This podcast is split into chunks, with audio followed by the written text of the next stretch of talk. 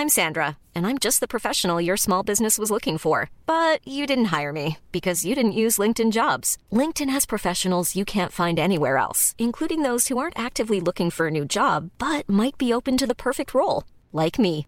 In a given month, over 70% of LinkedIn users don't visit other leading job sites. So if you're not looking on LinkedIn, you'll miss out on great candidates like Sandra. Start hiring professionals like a professional. Post your free job on linkedin.com/people today. Hey, I'm Ryan Reynolds. At Mint Mobile, we like to do the opposite of what Big Wireless does. They charge you a lot, we charge you a little. So naturally, when they announced they'd be raising their prices due to inflation, we decided to deflate our prices due to not hating you. That's right. We're cutting the price of Mint Unlimited from $30 a month to just $15 a month. Give it a try at mintmobile.com slash switch. $45 upfront for three months plus taxes and fees. Promo rate for new customers for limited time. Unlimited more than 40 gigabytes per month. Slows. Full terms at mintmobile.com.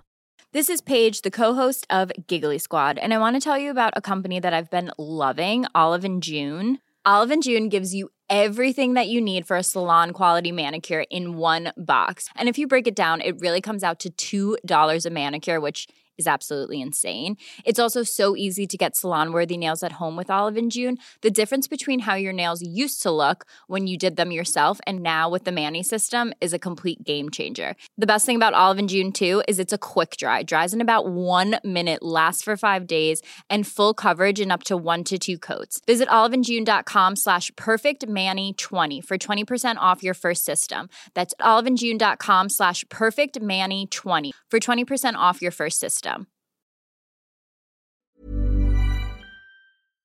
Vi är denna vecka sponsrade av Indie Beauty. Och Sofie, det här tycker jag är extra fint och extra roligt. Ja men Indie Beauty är ju ett skönhetsvarumärke som jag tror att väldigt många känner till, men det jag älskar mest det är att Indie Beauty liksom vill vara mer än bara produkter, vilket de ju också är. Exakt. Indie Beauty står ju för Independent Beauty, skönhet på dina villkor och för din egen skull.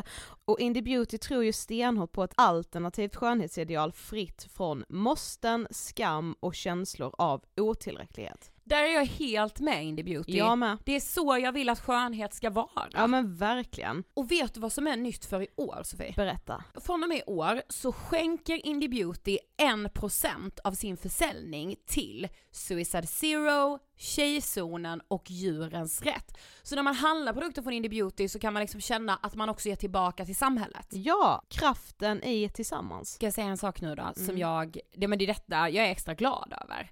Nu har Indie Beauty tagit fram en keps och den tycker jag ändå så på sommaren, skydda sig från solen, Jättebra, jag älskar kepsen. men det bästa, de bidrar till Suicide Zeros viktiga arbete för att minska antalet självmord och självmordsförsök.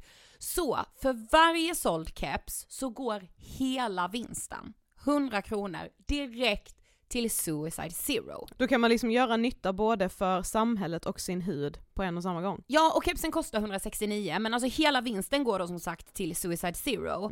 Så om man vill göra skillnad när man är där ute i solen, nu när den börjar titta fram, då ska man välja den här kepsen. Den säljs exklusivt på indiebeauty.se och på Apotea. Tillsammans kan vi skapa en ljusare framtid. Vi ses med kepsarna på! Tack Indie Beauty. Vi är sponsrade av Mindler och som ni säkert vet sedan tidigare så är vi ju ute på psykologresan tillsammans. Men hur vet man egentligen när det är dags att söka hjälp? Ibland uppstår saker i livet som kommer utmana oss och kännas tufft.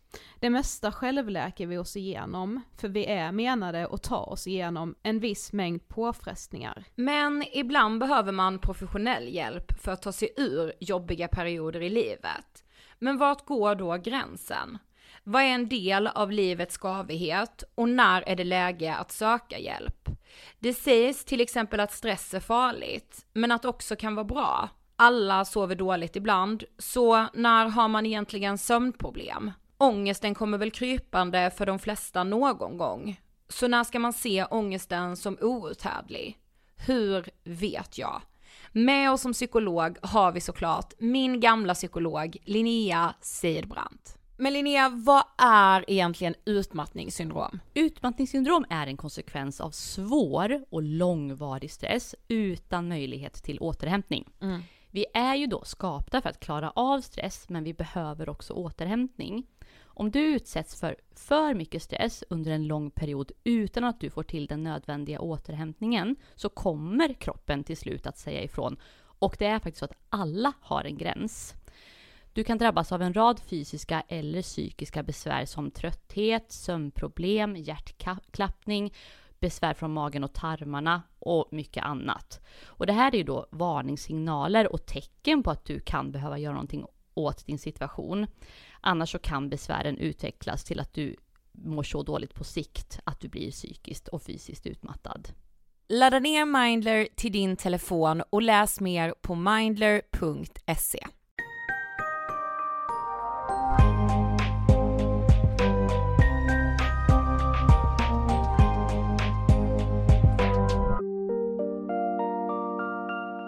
Hej på er och välkomna till avsnitt 470 av Det hörs.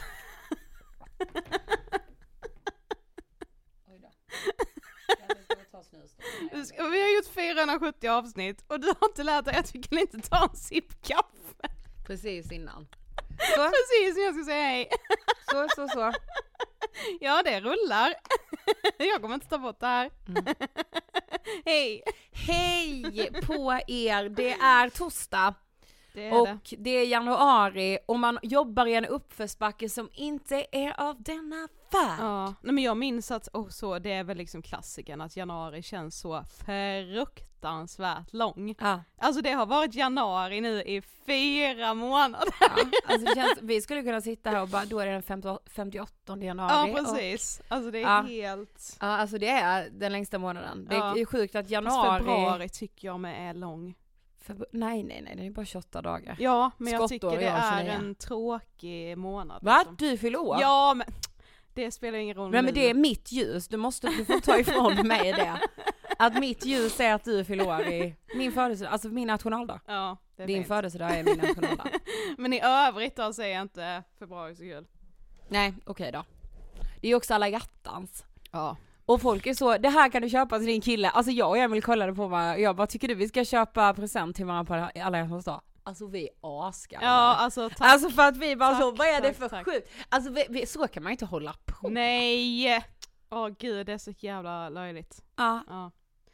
ja, nej alltså det är, Det är, liksom... så, det är så liksom, eh, du vet, alltså visst nu har vi ändå firat alla hjärtans dag, har man väl ändå firat länge, firat Mm. säger man citationstecken, Mm. länge här. Men alltså du vet när det blir så amerikaniserat. Ja jag vet. Det är liksom så, när babyshowen gjorde intåg i svenska kulturen, Mm, då ville jag storgråta. mm, mm. För det är, nej nej alltså det är så, ja. Baby shower och gender reveal, Ah! inte att förglömma. Men det har inte alla börjat med. Nej, nej, nej, men det är många Men det är skjuter färgkanoner i då rosa eller blått. Ja, och det spräcks ballonger och det är, Ja, men det gör man precis som man vill, jag har full respekt, men man behöver inte. jag har inte full respekt. Nej. Men, nog om det. Nog om detta.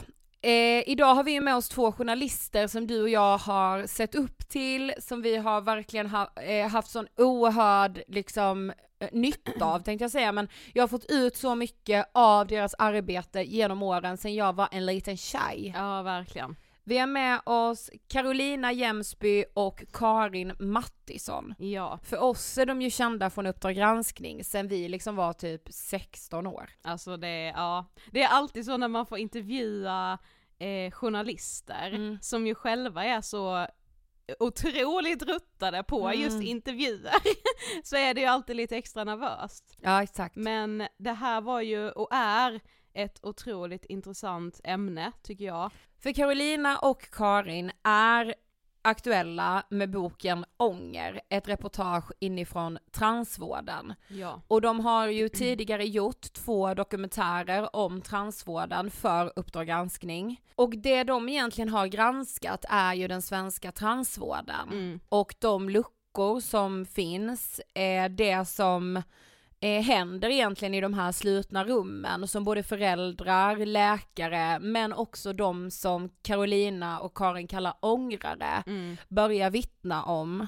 eh, där det visar sig att flera patienter har skadats av behandlingen och att det också har mörkats av vården. Mm. Och det här handlar ju inte om att ifrågasätta rätten till vård. Absolut inte. Utan det handlar mer om att vården kanske i det här fallet har, man har bara liksom eh, handlat i välvilja, Mm. men man har av någon helt obegriplig anledning inte haft tillräckligt med vetenskaplig grund för behandling. Exakt. Och det som ju chockar en är att man tänker att vården är det sista stället som skulle börja tumma på en sån grej. Exakt. Och så det här är väl inte enda gången, jag kollade nu i helgen på den här eh, eh, Paolo Macchiarini dokumentären på Netflix, eh, som ju också är en jättekänd skandal där eh, vetenskapen inte heller riktigt gick hela vägen fram om man säger så. Inte för att jämföra de båda fallen men så här, det är ju så, det är ju sånt här som måste uppmärksammas av journalister. Verkligen. För att vi kan inte ha, det är jättefarligt med sådana Ja. här fallgrupper. man, det blir ju ganska tydligt att eh, transvården många gånger har blundat för riskerna Mm. och det här kan man ju inte kalla någonting annat än en medicinsk skandal. Mm. Med det sagt så är jag helt övertygad om att den svenska transvården har hjälpt så oerhört många. Mm. Men det tar ändå inte ifrån de som Carolina och Karin kallar ångrarna, Mm. att det faktiskt har blivit fel. Och det är jätteviktigt att kunna ha två tankar i huvudet samtidigt. Och jag är jättetacksam att Carolina och Karin ville komma till Ångestpodden. Mm, och jag tycker ju inte heller att, alltså jag leder så med de som verkligen behöver behandling och som upplever att det är väldigt svårt att få behandling. Mm. Men man måste ju också se till de fallen där eh, en ung person kommer till vården och mår väldigt dåligt och nästan får Alltså att, att vården nästan lägger orden i munnen på Mm. den här personen att så här, det kanske är könsdysfori du har, Mm. när det egentligen kanske handlar om något annat. Exakt. Eh, ja, Vi rullar intervjun med Carolina och Karin. varsågoda! Hej Carolina och Karin och varmt välkomna till Ångestpodden! Tack! Tack så mycket! Jag tänkte att jag skulle sagt det här innan men nu säger jag det liksom i intervjun. Men för, för oss är liksom ni idoler. Alltså vi har vuxit upp med Upp- Uppdrag granskning. När vi gick liksom redan från åttan och vi skulle ha fredagsmys så kollade jag och Sofie på Uppdrag granskning. Och alla, ingen ville hänga med oss då för de bara varför kollar ni på det? Och vi bara det är jätteintressant. Gud vad bra! Ja, Väldigt fint att Vi är höra. väldigt glada att ni är här. Ja. Eh, men ni ska få berätta för de som inte vet, vilka är ni och vad jobbar ni med? Ska jag börja då? Börja. Ja, Karin Mattisson heter jag och jag är på Uppdrag granskning och har varit där i evigheter. Precis som du säger. Eller så. Nej, men är det 15-16 år faktiskt? Som programledare tidigare och nu är jag redaktör. Men jag är ju reporter i grunden. Och det är ju därför ja, vi har gjort våra jobb ihop, jag och Carolina och sådär. Ja, och jag heter Carolina Emsby. Jag är numera på Kalla fakta sedan två år, TV4. Men tidigare var jag ju på Uppdrag granskning eh, och fick äran att jobba ihop med Karin och vi har gjort då flera granskningar av transvården, framförallt då vården, den könsbekräftande vården för unga och som nu har resulterat i en bok som heter Ånger och jag tror att det är därför vi har fått komma hit. Ja, utöver att ni är våra idoler så är det därför ni är här. Men ni ska först få ångest på den frågan innan vi går in och pratar om just er granskning. Eh, vad tänker ni på när ni hör ordet ångest? Jag tänker på en stark och fruktansvärd känsla som kan vara förlamande och ibland nästan existentiellt hotande. En eh, känsla som man ibland kan behöva professionell hjälp för att ta sig ut ur. Mm. Jag delar verkligen den bilden som du beskrev här.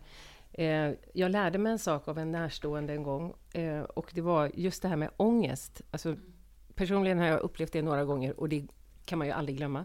Och man blir ju rädd för att känna den känslan faktiskt. Och då sa hon till mig så här, titta på klockan, ta tiden, det går över. Ge det 15 minuter så kommer det gå över.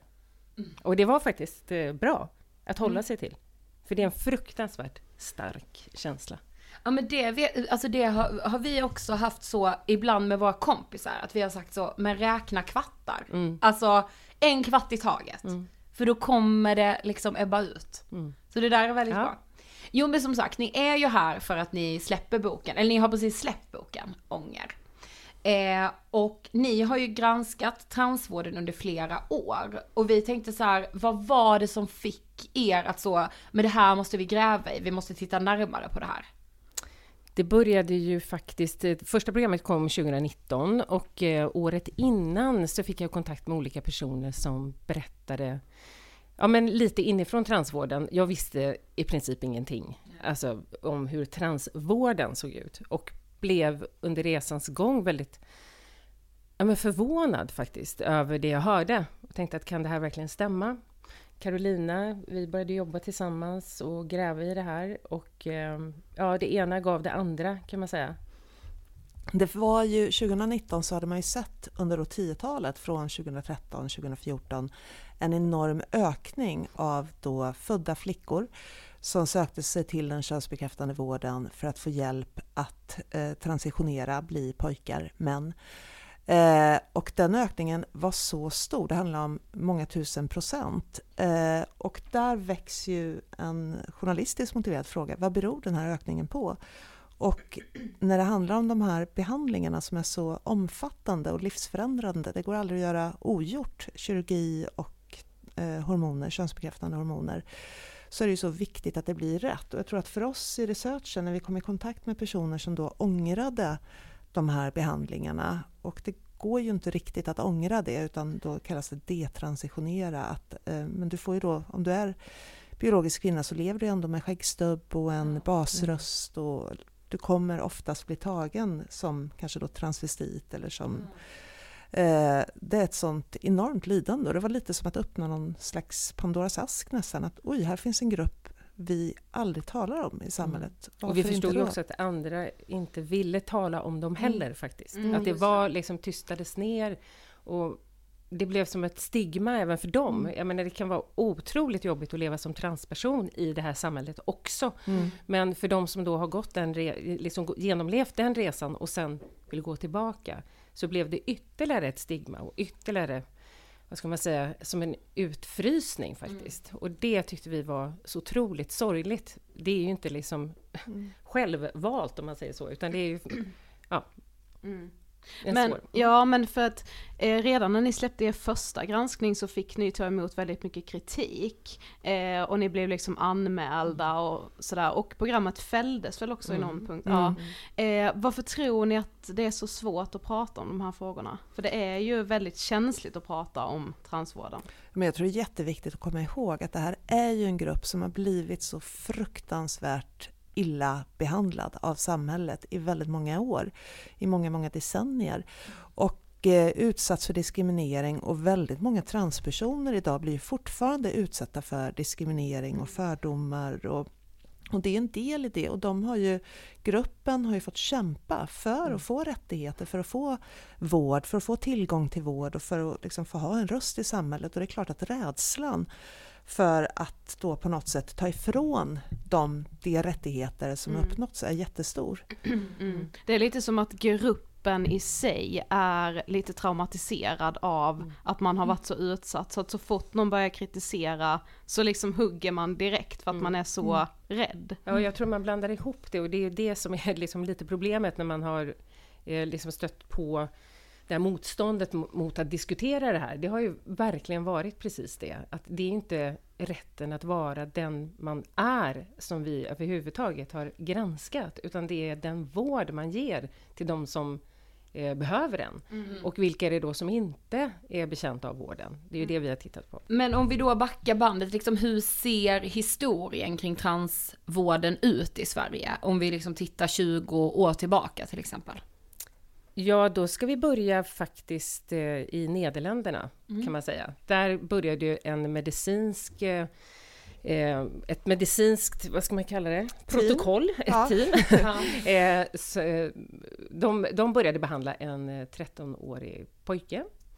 Eh, nu får du hjälpa mig ifall jag kommer Eh, ihåg Det var väl fel. en född flicka, Ja, född flicka, eh, men men en som identifierade sig som Precis. pojke, man. Och Ja. då testade man detta eh, med stopphormoner. Man stoppade upp eh, pu- puberteten och eh, man såg ju då att den här personen inte utvecklades till alltså med bröst och, och så vidare, Ja, utan liksom kunde stanna upp. Och därifrån, det var någon slags startskott. Alltså för 20 år sedan var det ju oerhört få i Sverige som, som sökte sig till transvården. Det var ju några få per år. Så att det är egentligen- Unga ska man säga. Ja, unga, vi precis. Nu pratar vi ja. unga. Mm. Och sen runt 2010 då, det är ju då den här växande gruppen kommer väldigt, väldigt fort. Kan man säga. Och då, jag menar, det är klart att man i Sverige, eh, då hade man ju bara ett ställe man kunde vända sig till och sen Ja. har ju det utvecklats så man har liksom byggt ut transvården i hela Sverige. Det finns team runt om i Sverige som behandlar barn och unga. Ja, för visst var det så att Sverige var först i Mm. världen med att erbjuda den här då stopphormonsbehandlingen? Nej, Nej. så var det inte. Men- Utan Sverige var ju först i världen med att eh, man kunde ändra sitt juridiska kön, Ja. om jag minns rätt. Ja, 1972, Ja. könstillhörighetslagen. Ja. Så där var vi föregångare. Men sen var det precis som Karin berättade i Nederländerna där man utvecklade då ett sätt för att just behandla unga transpersoner. Mm. Och eh, ut, när man fick positiva resultat med den här första personen tog man det vidare och gjorde en eh, mindre studie. Och det är den studien som sen all vård av barn och unga egentligen i hela världen vilar på. Och det kallas för det holländska protokollet, att man Mm. då börjar med en behandling av stopphormoner, puberteten pausas för att sen fortsätta med könsbekräftande hormonbehandling. Och eh, det som är intressant och som vi också tar upp i boken och som har varit uppe faktiskt i en dokumentär nu under hösten i nederländsk TV är ju att det är en väldigt liten grupp. Det är ett 30-tal individer och man har inte följt dem hela vägen. Och när man på andra kliniker, eh, bland annat eh, framförallt tänka på Storbritannien, Tavistock-kliniken försökte upprepa den forskningen som man hade gjort i Nederländerna. Men då lyckades man inte få samma resultat, att personerna var behjälpta av den här behandlingen. Så det vilar ju på en väldigt svag vetenskaplig grund. Men man har ju då som sagt sett den här enorma ökningen de senaste åren och den här ökningen, alltså anledningen till den delar ju till och med personer inom vården. Eh, varför tror ni eh, att det har skett en sån enorm ökning?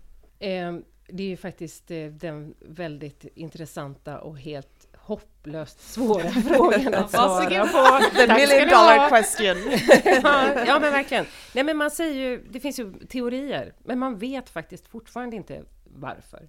Men eh, teorierna är ju bland annat då att eh, ja, men samhället har blivit mer tillåtande och eh, bekräftande och därför har det, man har tillgängliggjort vården också för transpersoner, så därför har de blivit fler och fler som har kommit. Eh, när det gäller då att det är unga eh, biologiskt födda flickor som söker sig så har man också sagt att det beror på att man eh, hade ju faktiskt ett steriliseringskrav för transpersoner förut. Och det, när man avskaffade det så, så tänker man sig att det medförde då att de här unga personerna eh, kom till transvården. Jag har svårt att förstå det riktigt för att det finns ju länder där man inte haft något steriliseringskrav, där det finns också den här enorma ökningen.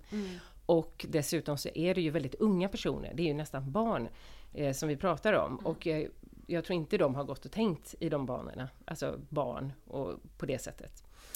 Och sen andra är ju, en del teorier är ju att det var exploderade i samband med att eh, nätet blev mer tillgängligt. Det finns ju en jättestark, och fanns ju ännu mer kanske just de här åren, en stark eh, online-community, både på Tumblr och Reddit som har haft liksom, stora samtalsgrupper och en person som är med i, i boken berättar ju hur hon, hon mår väldigt dåligt, hon kommer ut, har blivit utsatt för ett övergrepp i barndomen och kommer ut från ett självskadebeteende och en allvarlig eh, ätstörning. Eh, och börjar sen fundera på okej, vad, vad är anledningen till att jag hatar min kropp så mycket?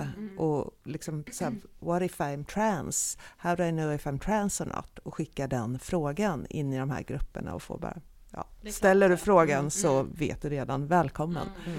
Eh, och att det finns en väldigt stark eh, gemenskap och bekräftelse i eh, den här online-communityn. Men jag tror personligen att det kan vara en mix mellan olika Mm. saker. Det är liksom inga, jag tror inte det finns ett svar på den frågan. Men man ser ju då i samband med den här ökningen att det liksom är en ny målgrupp som vänder sig till transvården. Vad är det här för målgrupp? Vilka är de? Ja, man har ju sett då att det är väldigt många eh, som har andra typer av diagnoser och som mår väldigt dåligt. Och det kan ju vara som du sa, där det är självskadebeteende, ätstörningar, men också framförallt eh, inom autismspektrumet. Eh, många som vi har träffat ångrare, som vi berättar om i boken också, är ju oerhört intelligenta personer och har liksom, eh, alltså vad ska man säga, utretts för andra diagnoser parallellt. Och eh, det var ju det vi såg tidigt också faktiskt, där läkare berättade att det är ju 80-90% som har alltså en troligen en annan diagnos. Mm. Och det var ju faktiskt eh, från början, om man säger det här ursprungliga holländska protokollet var väldigt tydliga med att man inte kunde behandla då samtidigt, utan i sådana fall måste man utreda det parallellt. Och här har man ju inte sett det så, för vad är hönan och vad är ägget? Mm. Är, man, ja, är det här ett uttryck för, mår man dåligt, depressioner, beror det på att man egentligen är trans eller ja. ja. Så att den, men det är ju det nya i den här stora gruppen som man inte har känt till tidigare. Så det är det som är så viktigt att, att liksom komma ihåg att att det här, och man har ju liksom då också öppnat upp för att man verkligen vill hjälpa och då måste det gå fort och allt det där som vi har berättat om i våra program också. Mm. Sen är det också mycket fler födda kvinnor, födda flickor som söker sig till vården. Traditionellt har det varit en tydlig övervikt av biologiska män ja. som har sökt sig till transvården, både inom barn och vuxen. Och det har ju vänt. Nu är det ju en tydlig övervikt flickor, kvinnor, som inte vill vara det, flickor eller kvinnor längre. Och kanske av olika skäl. Mm. Men det man också kan se i den här nya målgruppen är att de är extremt eh, pålästa och kunniga. Jag vet mm. att ni har med någon läkare som säger det till er att så här, det är som att jag, man märker exakt vad de ska säga och alltså historierna urskiljer sig inte så mycket utan det är typ samma upprepande mm. story mm. som vi hör hela tiden. Och hur ska man då veta att det här är personens riktiga historia mm. eller en historia som man har fått till sig och relatera till och mm. hur ska man då veta att den historien kommer hålla i sig över tid? Mm. Det är väl det stora dilemmat här mm. egentligen. Och där är det flera som har vittnat om att man delar berättelser med varandra över nätet och i olika stängda grupper. Att ah, ska du på utredning nu, ska du till den läkaren, men då ska du säga det här, du ska... Mm. Och det har ju varit ett sätt ja. för att få vård. Mm. Alltså, ja. det, man kan ju också förstå den sidan ja. så här, att ja, vad är det jag behöver säga? För hur, det finns ju liksom inget annat sätt än att faktiskt ut, utforska en persons liksom, identitet och eh, relation till ja, sin könsidentitet mm. för att kunna ställa den här diagnosen. Det finns ju inga blodprov, det finns inget Nej, annat exakt. sätt. Så att därför mm. är det ju mm. ganska logiskt också. Men sen tror jag att ja, läkare Men började vakna upp. Eh, också om du, om du inte då berättar din egen genuina historia, mm. för den måste ju någonstans vara stark nog och konkret nog eh, för att läkarna med de medel de har ska kunna avgöra om det är rätt. Att ta en annans historia ökar ju risken mm. för att det blir felbehandlingar. Mm. Eh, men man pratar om att 2015 är the year of trans visibility. Eh, vad är det som händer 2015? Ja, 2015 utnämns ju av tidningen Vogue som just transåret och eh, det är bland annat det år då Olympien Bruce Jenner kommer ut som kvinna. Eh, det är, hjälp mig Karin, det ja, är eh, Jess, ja, I am mm. Jess, mm, en mm, reality show som följer en... Boys Don't Cry? Nej, det är Nej, tidigare. Det är, tidigare. tidigare. Uh, I am Jess är ju då, uh, handlar ju om en ung, ja, en reality show som följer en ung transperson och vägen genom behandling och hjälp. Och det liksom är ett år där vi i Sverige ser att Folkhälsomyndigheten publicerar stora rapporter rapporter om transpersoners hälsa.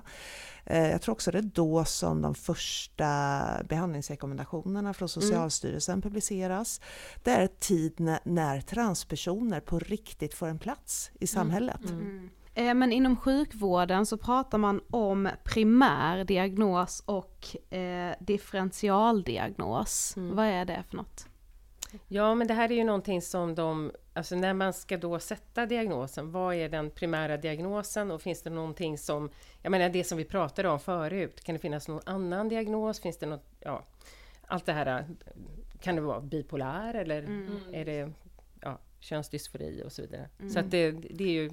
Ja men egentligen liksom vad är det viktigaste att ta hand om först. Mm. Det är väl den primära diagnosen. Ja, är det så att du har en, en eh, liksom, någonting inom autismspektrat, behöver du hjälp med det först innan då kan det vara så att könsdysforin har uppstått som en följd av att, Mm. att du har en diagnos inom autismen, att du tolkar vissa saker eller vissa tecken Mm. eller vissa bristande tillhörighet i någon slags kvinnogemenskap som att du inte egentligen är kvinna, Mm. medan det handlar om andra saker. Så det är väl det, liksom, vad är kärnan i detta? Men problemet med det har ju varit också att man eh, faktiskt har separerat de här så tydligt. Ja. Alltså det är, du behandlas på en könsidentitetsmottagning och då tar vi hand om könsidentiteten. Mm. Men det andra, jag menar, flera av dem som vi har följt och som vi berättar om i boken är ju också, har ju legat inne på andra avdelningar.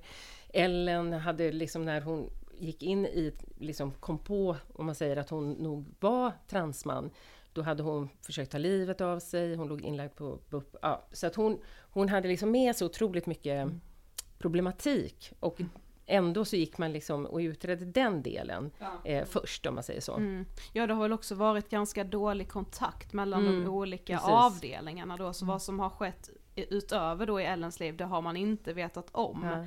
Eh, när hon också har utretts då för Ja. könsdysfori. Precis, och Ja. det, jag tror det var, var någonting som jag reagerade väldigt starkt på och tänkte att det här kan ju inte stämma. Nej, men att det var som vattentäta skott nästan. Ja, Där mm. har jag psykiatrin med den problematiken och det här är den andra. Och jag menar någonstans så tror jag man allt mer och idag i högre utsträckning verkligen ser till, försöker se till helheten. Att man måste liksom titta på, på en person från flera håll samtidigt och inte liksom tro att man kan separera. Nej, men där har ju vården, eh, alltså transvården, eh, ibland i, när vi har talat med dem sagt att men om vi behandlar könsdysforin så kommer nog det andra rätta till sig så småningom. Mm. Och att man på något sätt har utgått ifrån att det är primärdiagnosen och i vissa fall så är det ju säkert det Mm. och stämmer. Eh, men inte i alla fall och det är väl det som vi också då beskriver i boken, hur flera då får behandling för könsdysforin men inte får hjälp med det övriga väldigt komplicerade psykiska måendet. Men jag tänker att det, det ser man ju ändå är ett problem inom vården, just som du med säger, Mm. de här vattentäta skotten. Kollar man på missbruk kopplat till liksom Verkligen. psykiska Mm. sjukdomar Jättebra så är det ju exempel. som att Mm. det finns ingen samverkan överhuvudtaget. Nej men här får du hjälp med ätstörning, nej nu kan vi inte behandla dig för Mm. du har missbruk. Och på, miss, alltså på då socialtjänsten säger man, nej men nu är du ju ätstörd, vi kan inte ta tag i missbruk. Alltså det här Ja, liksom det, återkommer. Det är verkligen sant. Det är verkligen sant. Ja men exakt. Men det har ju också blivit någon slags spricka inom sjukvården i liksom just transfrågan. Eh, hur, hur skulle ni beskriva den sprickan? Hur, hur ser det ut? Men det finns ju en grupp läkare som förordar mer behandling, snabbare behandling, som verkligen ja, men ser, upplever att eh, när de då behandlar med hormoner och kirurgi den här unga patientgruppen så får de väldigt bra resultat och verkligen hjälper gruppen. Medan då en annan grupp, del av läkarkåren menar på att det här sker, inte alltid men i många fall, allt för lättvindigt, allt för snabbt. Vi har ju berättat om ja men, personer, patienter som vi har följt som efter en månad och några besök på en könsidentitetsmottagning får stopphormoner utskrivet till sig och att det då kan gå ja, men relativt lättvindigt. Så det här har ju blivit, ja, men precis som det beskrivs ibland, liksom hela transfrågan som en liksom, kulturkrigsfråga i vår tid och eh, i läkarkåren så har det verkligen blivit en sån vattendelare. Jag tror att framför allt de Mm. läkare och vårdpersonal som under de här åren eh, just märkte att det kommer en ny patientgrupp.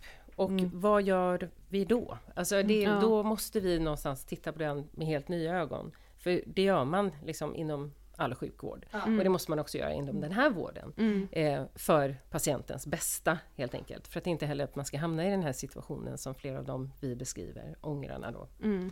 Ja men det är lite som vi sa innan vi började banda här att det är så konstigt för man tänker att sjukvården är liksom de, den sista platsen där man ska börja tumma på vetenskap.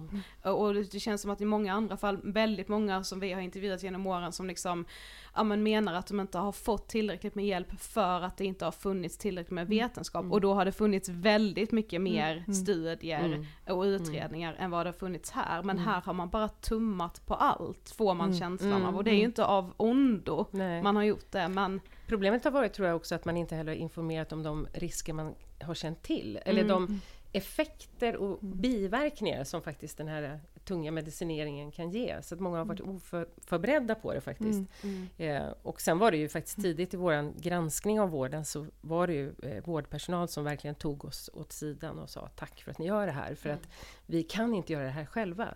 Om vi sticker ut hakan och säger att nu är vi rädda för att vi faktiskt eh, går för snabbt fram med personer som kanske inte ska ha den här vården. Eh, och det, det tyckte jag faktiskt också kändes så här oansvarigt nästan. Mm, alltså, verkligen. det var ju spännande ur ett journalistiskt perspektiv. Här Mm. finns det vårdpersonal som inte vågar prata om det. Vad är det vi ser? Mm. Och, och som sa att vi måste anteckna allt, allt, allt som de säger när de är här, för de kommer tillbaka. Om tio år, om fem år kommer de tillbaka. Och vi måste veta vad vi har gjort då. Mm. Och det tycker jag också var så här, alltså, händer detta? Ja, men en, det en etisk experiment. stress pratade man ju om på Ja. en mottagning, att personalen led av etisk stress för att de upplevde att vi behandlar personer som inte har nytta av den här behandlingen. Men man ändå behandlar och den oansvarigheten, eller vad man nu ska kalla det.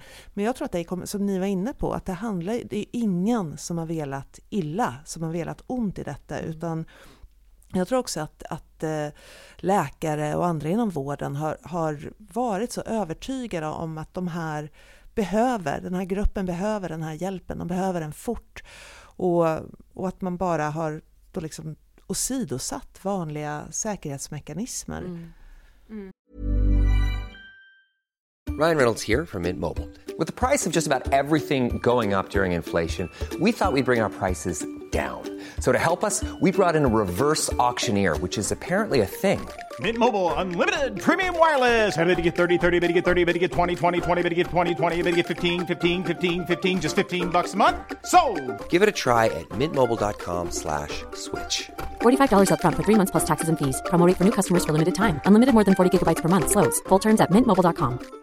Life is full of awesome what ifs, and some not so much, like unexpected medical costs. That's why United Healthcare provides Health Protector Guard fixed indemnity insurance plans to supplement your primary plan and help manage out of pocket costs. Learn more at uh1.com. Hey, it's Paige DeSorbo from Giggly Squad. High quality fashion without the price tag. Say hello to Quince.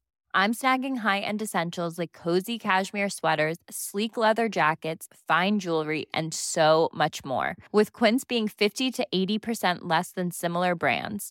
And they partner with factories that prioritize safe, ethical, and responsible manufacturing. I love that. Luxury quality within reach. Go to quince.com slash style to get free shipping and 365 day returns on your next order.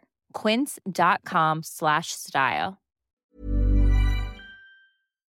Ja, för den här klyftan inom vården, alltså man har ju pratat mycket om att Alltså man kanske har vetat om att det finns risker med en behandling men så pratar man just om det här med nyttan före risken. Att liksom är ändå inte nyttan större? Att ja det kanske finns vissa biverkningar som inte är så bra men vad blir biverkningen för en person som behöver stopphormoner men som inte får det. Mm, Eh, det- vad tänker ni kring det? För det är ju liksom också det här dilemmat Ja. för vårdpersonalen. Det är jättesvårt dilemma, för det är ju så att om du är till exempel född pojke och söker dig till transvården och med stopphormoner så går det ju att undvika att den här personen då som då identifierar sig som tjej, säger vi, eh, kommer i målbrottet och får skäggväxt.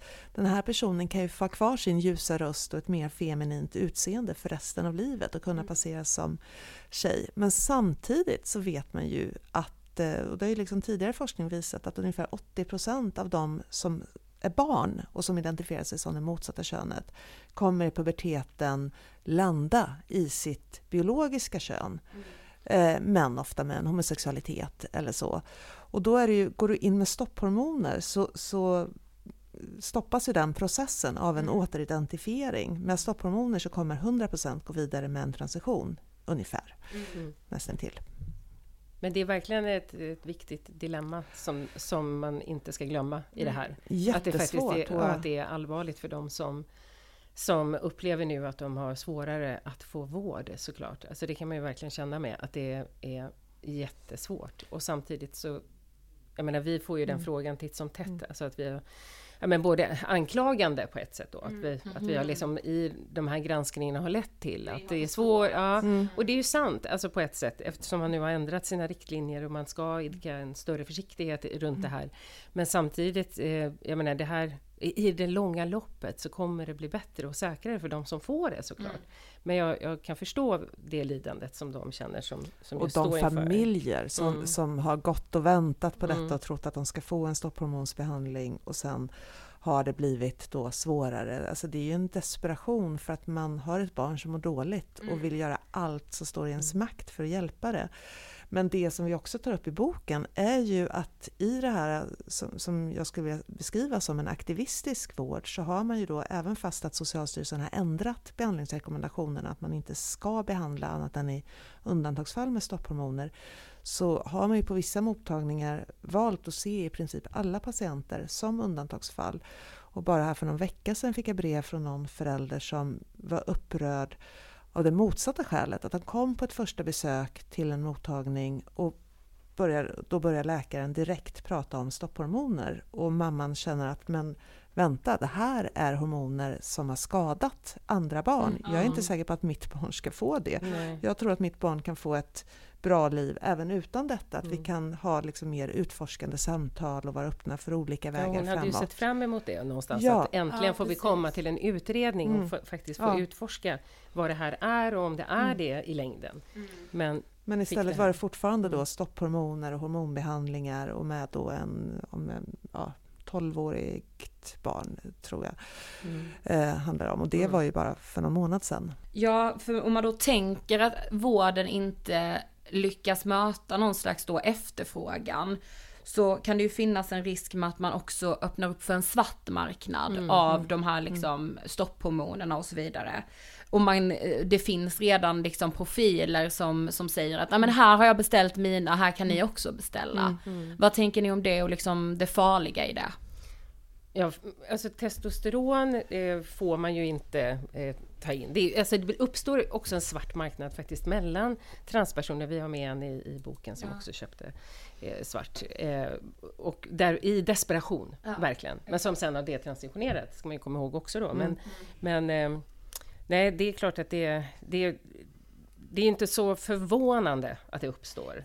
Eh, men samtidigt tror jag att det är eh, rent farligt faktiskt att experimentera med den här typen av medicinering. Ja, och det är ansvarslöst tycker jag. De profiler som, som online marknadsför de här produkterna Mm. för jag menar, det är företag, det är internationella företag som är börsregistrerade som, som tjänar enorma Mm. pengar på människors desperation och att då som någon slags eh, ja, men, förebild för många liksom, marknadsföra dem. Jag, jag tycker det är Mm. otroligt oansvarigt. Ja. Och det är de är det är väldigt, väldigt starka, ifrågasatta. ja, det är Eh, starka preparat det handlar om. Ja, ja, verkligen. Ja. Ja, och där blir man ju mer så dubbel, alltså, jag kan ju tycka att det är jättebra och fint att man kan liksom, att folk delar sina stories och att andra kan känna igen sig i det, men jag vet att ni också har tidigt i boken ett exempel på en person som kommer in då på en mottagning i släptåg av en mamma som har en kamera i högsta hugg och ska liksom filma hela det här vårdbesöket och vårdpersonalen säger nej, nej, nej, ni kan inte filma här.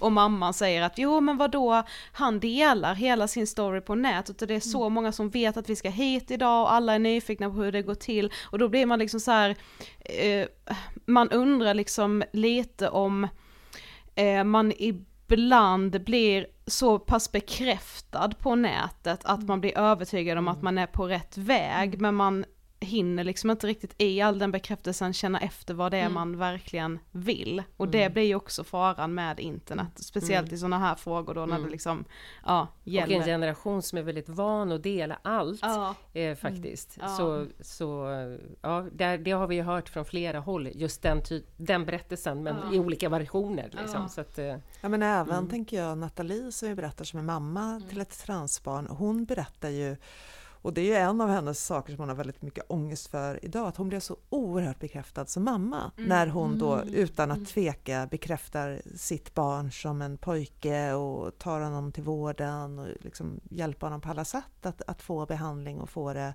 så fort som möjligt Mm. och så. Och liksom både på arbetsplatsen, i samhället så får hon då Mm. den här bekräftelsen av att åh vilken öppen och modig och tolerant person du är. Mm. Alltså att, att det är mycket i det här som också kan bli identifierande för vem är du? Mm. Eh, är du en sån här härlig person som Mm. accepterar eh, Mm. ditt barn och alla andra eller är du en eh, konservativ Mm. och eh, står du i Trumps hörn av rummet eller Ja, precis. står du i den lite trevligare hörnan? Ja men för det har jag tänkt på mycket liksom med era granskningar.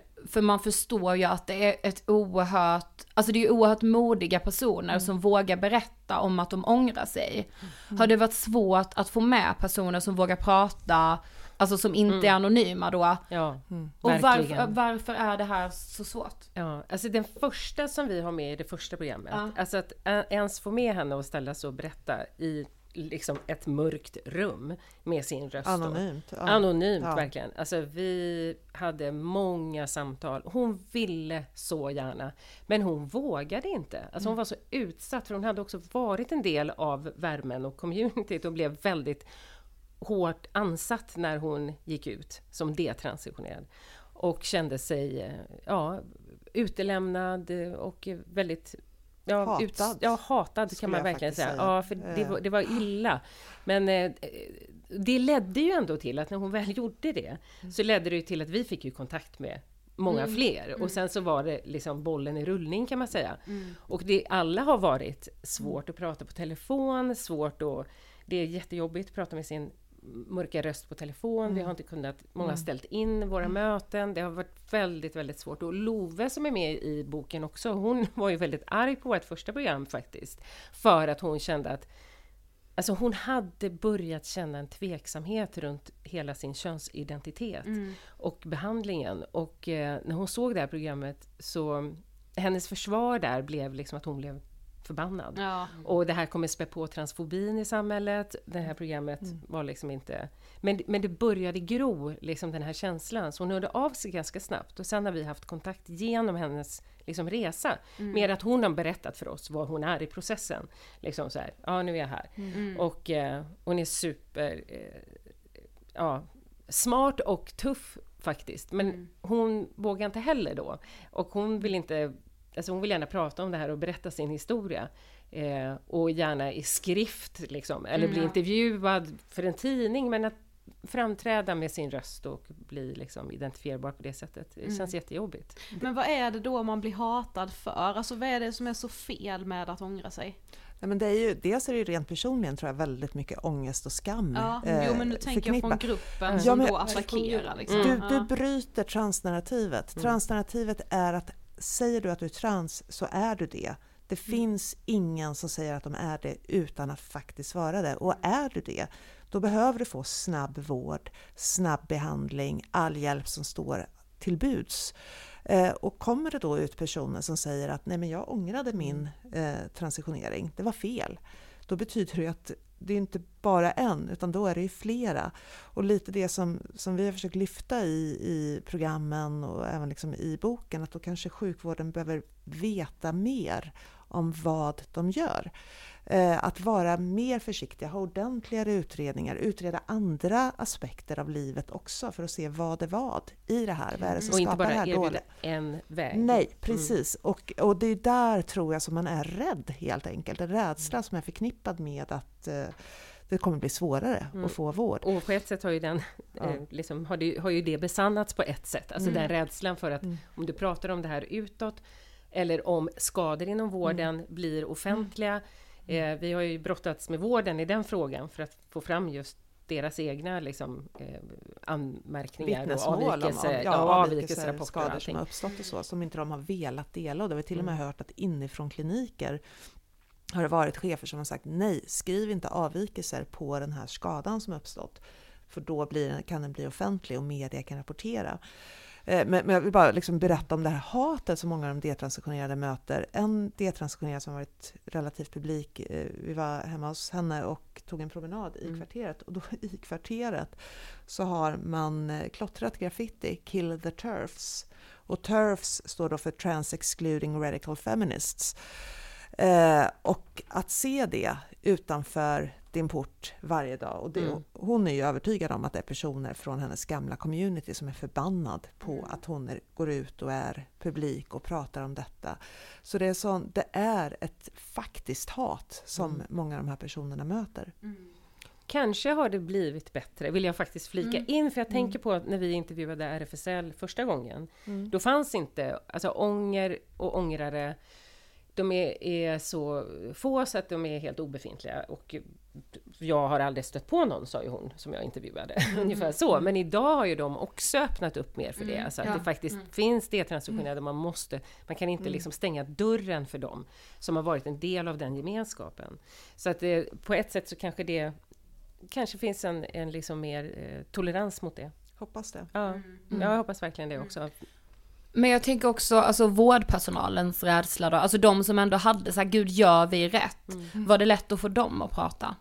Nej. Nej, det har inte varit lätt att få någon att prata. Nej.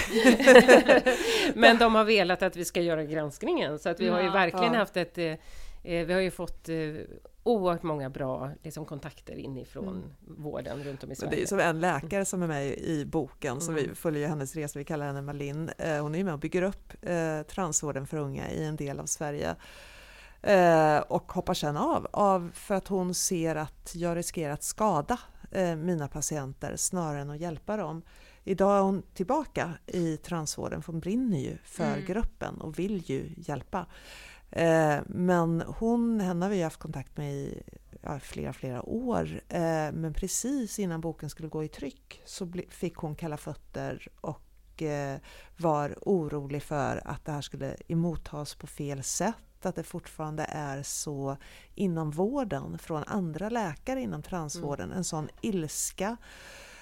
Och ja, det jag fick beskrivet för mig skulle jag beteckna som ren vuxenmobbing mot de som problematiserar eller förespråkar försiktighet. Eller så här. så det är ju en inflammerad fråga. Mm. Men om man då eh, känner att man ångrar sig, vad gör man? Alltså vad, hur ser vården ut för ångrarna? Den ser inte bra ut kan jag säga. Nej men det är alltså så här. Jo, det finns säkert de ställen idag som, som har förstått att man måste faktiskt ta emot dem också. Därför de behöver också vård. De behöver också en plan för, jag menar en del av dem har ju bytt juridiskt kön och behöver alltså byta tillbaka sitt personnummer, vad man ska säga. Och eh, man kanske har opererat bort bröst. Nu tänker jag ja, på de fallbeskrivningarna vi har, eller de, de tjejerna vi följer i boken. Hur, hur de har fått kämpa verkligen och blivit slussade hit och dit. Eh, Love fick hjälp direkt med eh, laserbehandling av skäggväxt och sånt, så där gick det fort. Men hon fick inte operera tillbaka sina bröst som hon ville till en början. Eftersom hon hade manligt personnummer så kan man inte op- operera och göra en bröstförstoring på en man. Men hon menar att jag är kvinna, jag identifierar mig som kvinna, jag har inte gjort någon underlivskirurgi och jag identifierar mig, jag är kvinna, jag är bi- biologiskt född kvinna. Men eh, det hjälpte inte. Men sen fick ju hon byta juridiskt kön och fick gå igenom de här. Och alla vill ju inte heller operera tillbaka sina bröst. Men det är väldigt eh, komplicerat för dem faktiskt. Och eh, vården står väldigt handfallna. Och jag tycker det är ett, det är ett svek liksom, mot dem faktiskt. Som de har ju varit deras patienter i alla dessa år. Och man har liksom slagit fast att det är det här som är den rätta vägen. Och, eh, Men det är inte, inte bara ett svek från vårdens sida skulle jag säga. Jag tycker i boken när man följer Ellens Mm. kamp för att försöka då få ett kvinnligt personnummer igen. Hon får höra från Socialstyrelsens rättsliga råd att ja, det kan ju bli fel ibland men du Mm. behöver, ja du får väl bevisa att du är kvinna. Och hon är så här, men hur ska jag bevisa Mm. att jag är kvinna? Får jag inte gå klädd i mina manliga kostymer då? Om jag ska Mm. bevisa att jag är kvinna? Vad är ens en kvinna? Alltså, Mm, ja, det blir Ja. väldigt konservativ syn på Ja. könsroller liksom, Ja. inom vården. Och Ja. det är ju också väldigt förvånande, tycker Mm. jag, i en vård som man tänker ska vara ännu mer öppen Mm. för olika sätt att uttrycka sig och identifiera sig. Ja men det var, för man fick nästan känslan av att det är mycket lättare att byta från sitt biologiska kön Mm. till, och byta kön då, Mm. än vad det är att kunna byta tillbaka. Då Ja. måste du plötsligt bevisa hur Mm. mycket som helst, Mm. men om du kommer till vården och har liksom en liten känsla av att du kanske är född i fel kropp, då blir du erbjuden stopphormoner Mm. Ganska omgående. Och det är det som blir så fel. Ja, för konsekvenserna av behandlingen är ju också, den är ju meningen att vara potentiellt då livslång och när, när den sen inte blir det och du ska liksom hur, hur står det till med dina egna hormoner? Mm, Kommer de ja. tillbaka? Du måste ha kontroller av värden. Mm. Du behöver annan typ av vård och behandling. Men det är ungefär som att man liksom, vad ska vi göra av dig? Alltså är det de psykiatrin? kroppsliga eller förändringar och då inte Mm. bara självklara som, som eh, skäggväxt och röst och så Mm. till exempel då om du är biologisk kvinna utan även ja, men vad som händer i, i din kropp när du får testosteron under en lång tid. Det är ju många även som lever som lyckliga transmän och som inte alls ångrar sin transition som vi har haft kontakt med som då upptäckt att de har blivit infertila på grund av ett beslut de har tagit när de är 17 år. Eh, för att eh, äggledarna har växt igen och kläggat igen och sådär. Och, och, Mm. Det har ju varit sorgligt faktiskt. För Ja, det, är också väldigt skamligt för en Ja. person som har fått och är väldigt glad och nöjd i sin transidentitet. Inte Mm. det, men som inte heller känner så här att jag har inte fått den här informationen. Exakt. Så att där Mm. tycker jag också det är Mm. så här, men där måste ju vården ändå tänka nu Mm. att vi måste vara väldigt tydliga här och berätta vad det här får för konsekvenser. Exakt. Och jag menar, jag frågade de här transkvinnorna som Mm. vi har följt, liksom, hur kändes det när du liksom började få flikar och tappa lite hår här framför? Det gick ganska fort för Mm. båda de två tunnades ur håret. Och, Ja, de är inte transkvinnor utan de var Ja, transmän. ja, jag menar Ja. precis. De är kvinnor idag och de var transmän. Ja. Eh, och eh, faktiskt... Eh, nej men, och det var en väldigt så här, de beskriver den här lyckan över hur det kändes och, och, och så då. Eh, och man kan ju liksom tänka då att även, även om man på kort sikt mår väldigt mycket bättre och känner att det här är rätt för mig. För det har vi ju hört många av de här. Det är inte så att det tar några månader och så är det bara nej, det här var fel. Utan det går oftast några år och då har man ju liksom satt kroppen i ett, i tillstånd där du, om du ska tillbaka, behöver faktiskt också vård. Mm. Så man tänker ju så här, och, och även det här att varför det står transsexuell som diagnos i mina journaler, jag är inte det idag, hur, hur alltså det måste stå något annat då. Ja, och jag precis. tror att det är liksom nästa steg som man måste börja liksom utröna, för inte ens det finns ju ingenting runt de här personerna och Socialstyrelsen registrerar dem inte. Och det finns ju många som inte byter juridiskt kön, ska man komma ihåg. Och då finns de ju inte heller i den här lilla, lilla statistiken som Nej, finns på, hos Socialstyrelsen. Mm. Så att, eh, ja, det är komplext. Men ja, du var inne på den här Carolina, jag tror det är samma som vi tittade på. För det finns ju då en holländsk studie som visade att 98% av de som behandlas med stopphormoner fortsätter med könsbekräftande behandling. Och då tänker man ju att det måste ju tala för att det är rätt patienter som väljs ut för behandling. Ja, fast det vet man ju inte. För det som händer i puberteten, det man avstannar, stoppar, pausar när man påbörjar en behandling med stopphormoner, det är även hjärnans utveckling. Alltså det är en enorm tillväxt i hela kroppen på alla plan som sker under puberteten. Det är den största förändringsprocessen efter att du är född egentligen. Och eh, det som, i alla fall de då som är tveksamma till stopphormonsbehandling brukar framföra är ju att Eh, den mognaden som kommer i puberteten som gör att du accepterar din kropp och, och ditt kön och, eller, eh, men då kanske landar som sagt i en annan sexuell läggning än, än eh, den mognaden sker aldrig. För att du kommer aldrig dit. Utan då plötsligt när du slutar med stopphormoner så börjar du med det andra könets eh, könshormoner helt Mm. enkelt. Om du är biologisk eh, kille så med östrogen eller biologisk tjej med testosteron.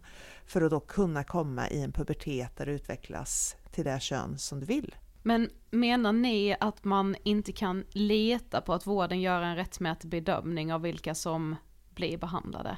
Ja, Idag är det ju uppenbart med facit i hand och det tror jag faktiskt ganska många inom vården också skulle hålla med om. Mm. Inte alla, men eh, och även myndigheter. Jag menar efter vårt första program så så satte man ju igång stora undersökningar. Vad, bygg, vad fanns det för, vad är, vad är det för forskning den här vården bygger på? Och upptäckte att den forskningen var väldigt svag och väldigt liten för just den här gruppen. Eftersom den är relativt ny så har man ju inte hunnit göra några långtidsstudier och man har inte liksom en, en forskning runt runt hur de mår av den här behandlingen.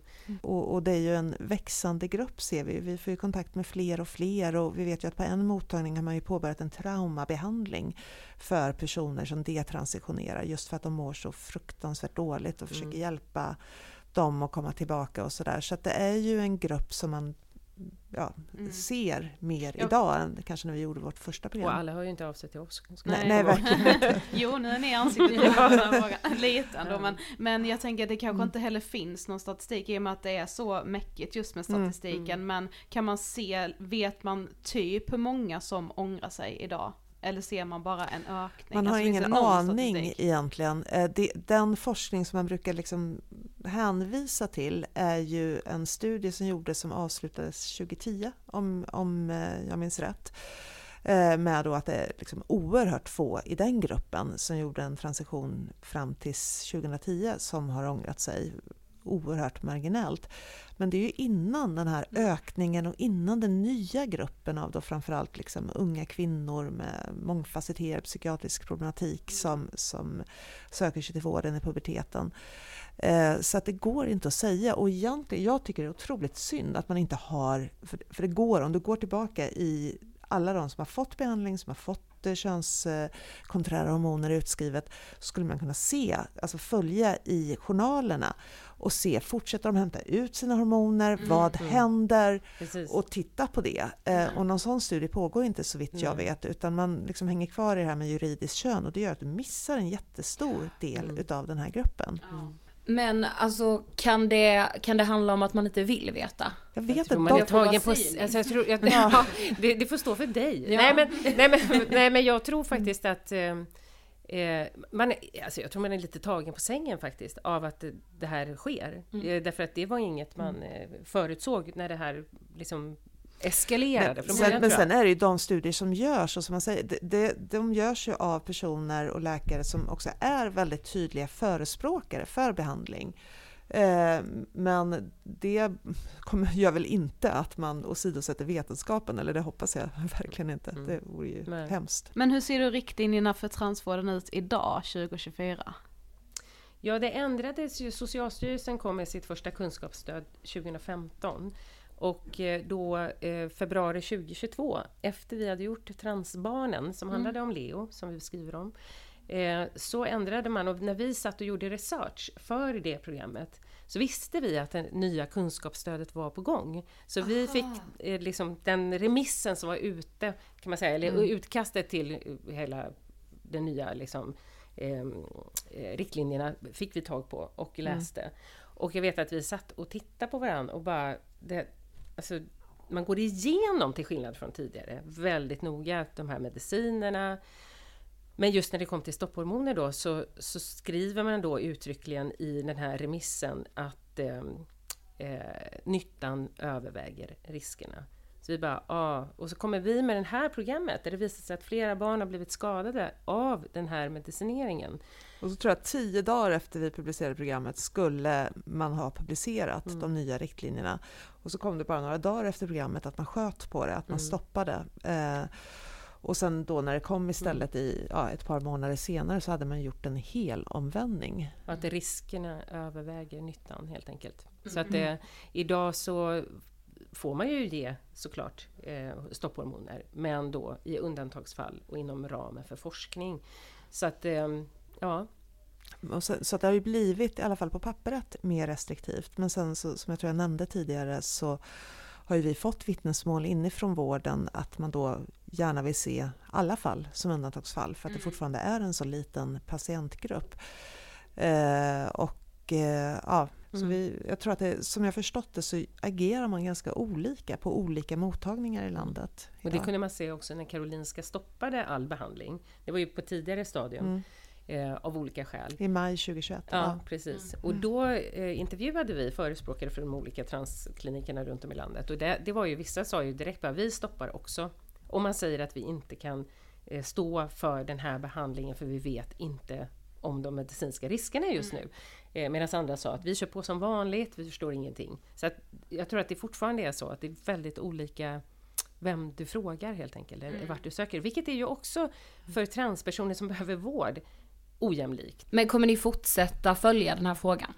Det är svårt att låta bli nu. Jag tror inte det går att inte. Det är så många som hör av sig också Ja. nu efter att boken har kommit ut. Ja. Många ja, men, familjer och transpersoner Ja. och detransitionerade och sådär. Så det är ju, och det är ju en fråga som är så intressant för att den är komplex. Det finns inga enkla svar. Det är inte så att det är fel att behandla alla. Det är inte heller rätt att behandla alla. Det, det, Mm. det är liksom, man måste hålla flera tankar i huvudet samtidigt i Mm. den här frågan och det är det som gör den så ja, Mm. spännande också. Mm. Då har vi kommit till sista frågan. Vad inspirerar er? Oss? Jag talade Ja, vi ja, ja, ja, men precis. Ja, men, eh, Ja, men det här, alltså vet du, att få Mm. eh, förmånen att få liksom eh, och det är alltså det journalistiska yrket, det är ett fantastiskt yrke på det sättet, för man träffar ju så mycket människor som berättar sina historier. Och det är ett privilegium att få komma nära människor på det sättet som vi gjort i den här boken, alltså kommit så nära de här människorna vi eh, berättar om. Eh, det inspirerar mig jättemycket. Jag blir varm i hjärtat när jag tänker på hur mycket de har vågat öppna sig för oss. Sina Ja. journaler, sina dagböcker, sina, Mm. ja, sin historik liksom. Ja, sen så inspirerar eller motiverar kanske liksom mer, eh, tycker jag också det här att, att få berätta om saker som är komplexa och svåra men också som, ja, men som i fallet Leo som vi, liksom, vi också beskriver i boken, hur vården försökte mörka att ett barn har skadats av behandlingar av ideologiska skäl, för jag, kan inte se någon annan anledning. Eh, det, det gör ju att det känns som ett oerhört viktigt jobb. Man å ena sidan har en familj i kris och som inte blir sedda eller hörda. Att, att ge alla människor, liksom ge röst. Det, det tycker Mm. jag motiverar mig. Mm. Och, ja. Tack för att ni ville gästa Ångestpodden. Tack så jättemycket. Tack. Jag tänker väldigt mycket på eh, de här familjerna Mm. eh, som måste känna sig oerhört svikna Mm. eh, när det inte sen då finns så mycket vård för någon som ångrar sig. Mm. Och sen så är jag också väldigt intresserad av hela den här Alltså tystnadskulturen Ja! är ju det sjukaste. Alltså hur de här personerna inte vågar berätta, man Ja. vågar inte visa sig med sitt ansikte, man, för, för det måste väl ändå vara, alltså att de då får eh, höra eller eh, har en rädsla för att man skulle eh, skada hela communityt. Mm. Men det måste väl ändå vara grunden i ett community att det eh, är så pass högt i tak så att olika eh, utfall eller olika åsikter eller olika erfarenheter måste få delas fast de inte är likadana. Alltså det ska man ju tycka om, för Ja. det är ju det som gör att man liksom breddar sitt eget perspektiv, att man kan förstå andra situationer och få andra infallsvinklar på det, ens egna tankar. Det behöver ju liksom inte finnas rätt och fel i två helt olika åsikter utan det är ju ofta ganska mycket mer gråskala liksom. Och det, jag, jag är helt övertygad om att det bygger på någon slags liksom rädsla för att det här har också varit en grupp som har blivit så förtryckta, Gud, som ja. inte har ha- haft sina rättigheter, Mm. men någonstans måste ju allas berättelse få plats. Mm. Och eh, blir så- bara för att någon ångrar sig och någon inte gör det, tar ju inte det bort Nej. det viktiga för den som inte ångrar sig eller det viktiga för den som ångrar Nej, sig. man kan ju fortfarande vara jätteglad för någon som inte ångrar sig, även om man själv är en ångrare. Exakt. Det blir så konstigt med när man kanske kommer då från en plats där man eh, tidigare då har känt att man inte passar in och att man liksom nog vill byta kön. Mm. Eh, och så har det funnits en enorm skam kring det och man har känt sig utanför för att man har känt att det är något fel liksom. Mm. Och så hamnar man då i i det här communityt och får för första gången i sitt liv känna sig hemma och bli sedd och hörd och liksom må bra. Men det blir så konstigt då när man, om man då ångrar sig, då blir liksom skammen och utanförskapet större än det man upplevde innan. Jag vet, alltså jag, ja, jag förstår inte men jag vill verkligen förstå. Ja, jag med. Så ni får gärna skriva till oss om ni har egna erfarenheter, för jag tar gärna, gärna del av dem om någon vill berätta, så är vi idel öra och lyssna. Och jag skulle ju varmt, varmt, varmt rekommendera eh, boken också. Ja, ånger. Eh, den finns eh, överallt där böcker finns. Eh, läs den. Det är eh, otrolig journalistik som eh, vi måste värna. Och tack Carolina och Karin för att ni vill gästa Ångestpodden. Vi hörs som vanligt på måndag. Det gör vi definitivt. Hej då! Hej då!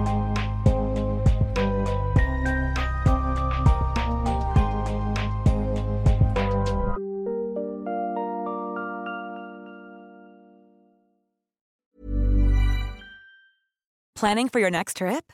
Elevate your travel style with Quince. Quince has all the jet setting essentials you'll want for your next getaway, like European linen, premium luggage options, buttery soft Italian leather bags, and so much more. And is all priced at 50 to 80% less than similar brands. Plus, Quince only works with factories that use safe and ethical manufacturing practices. Pack your bags with high-quality essentials you'll be wearing for vacations to come with Quince. Go to quince.com/pack for free shipping and 365-day returns. This message comes from BOF sponsor eBay. You'll know real when you get it. It'll say eBay Authenticity Guarantee. And you'll feel it. Maybe it's a head turning handbag, a watch that says it all, jewelry that makes you look like the gem, or sneakers and streetwear so fresh every step feels fly. eBay gets it. So look for the blue check mark next to that thing you love and be confident that every inch, stitch, sole, and logo is checked by experts. With eBay Authenticity Guarantee, you can trust that feeling of real is always in reach. Ensure your next purchase is the real deal. Visit eBay.com for terms.